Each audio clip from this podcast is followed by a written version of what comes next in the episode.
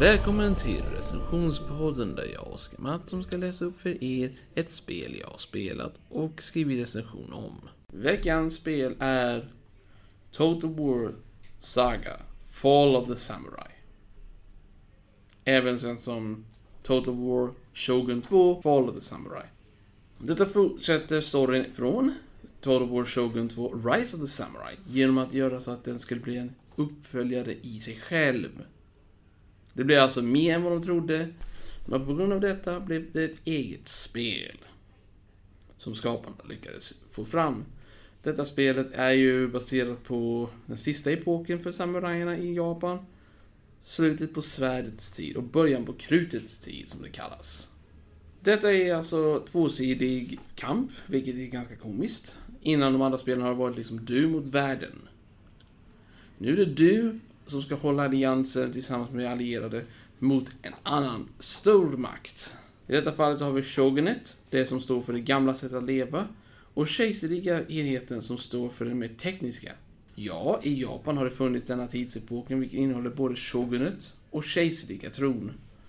Detta betyder att det har varit ett bråk mellan bägge två i åratiders tal, men idag nu för tiden i verkligheten så är det ju så att Shogunet finns, men är en livsstil.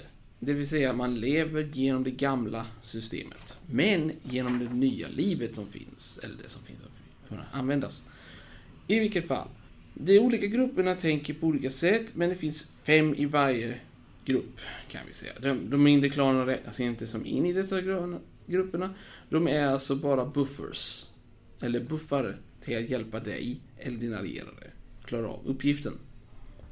I Shogunat-klanen har vi Aizu-klanen, Nagaku-klanen, Yozai-klanen. Jag vet, jag kommer nog kanske butcha de här namnen. Men en del av dem är ganska enkla. Obama-klanen. Sendai-klanen. I den kejserliga hörnan har vi Satasuma-klanen, Shosu-klanen, Tosa-klanen, Saga-klanen, Su-klanen. Ja, det är intressanta namn, eller hur? Men i alla fall, alla dessa grupper har sina för och nackdelar inne i spelet. Som du kommer behöva hitta också.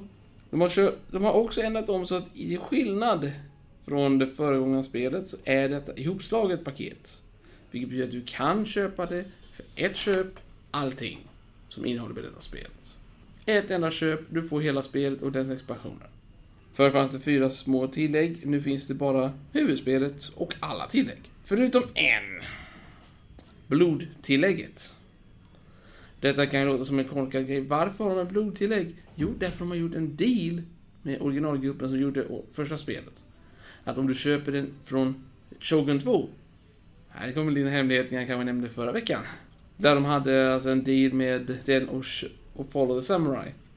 Dealen är att om du köper det för antingen Shogun 2 eller Follow the Samurai får du den automatiskt till den andra också. Det är en ganska bra deal egentligen. Du behöver bara betala för en, får du för bägge två. Det, på detta viset blir det gratis uppdatering i spelet för får den automatiskt. Ja. Jag hoppas att ni i alla fall tycker detta låter roligt, för i mitt fall tyckte jag att det var ganska komiskt eftersom jag köpte spelen separata på bägge två och upptäckte sen att bloddelen var gratis därför att jag inte kunde köpa det. Och jag blev chockad när jag läste, oj, jag har redan det. Spelet är ju med den kejserliga bilden att de vill framtidsteknologi. Shogunet vill ha det gamla sättet att leva, bla bla bla. Och du får välja sida. Ni kanske undrar hur det kommer sig att den kejserliga armén är så stark och kämpar lika mycket. Jo, vi var orsaken i Europa. När vi stödde dem med att göra teknologiska under.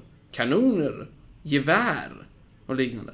Detta gjorde så att den kejserliga armén fick lite mer vapen och lite mer teknologi. Shogunet som hade det gamla livet den ena, sa att gevär var dumt och korkat och inte användbart. Detta ledde till att inbördeskriget hände, bla bla bla bla, och Shogun-tiden tog sitt slut. Mitt betyg för spelet är en 8 av 10. Till skillnad från föregångaren så är detta lite sämre eftersom det syns att det är en expansion som har blivit utökad. Jag hoppas att ni njöt av denna recension och ni kommer att lyssna nästa vecka på nästa recension. Hej då!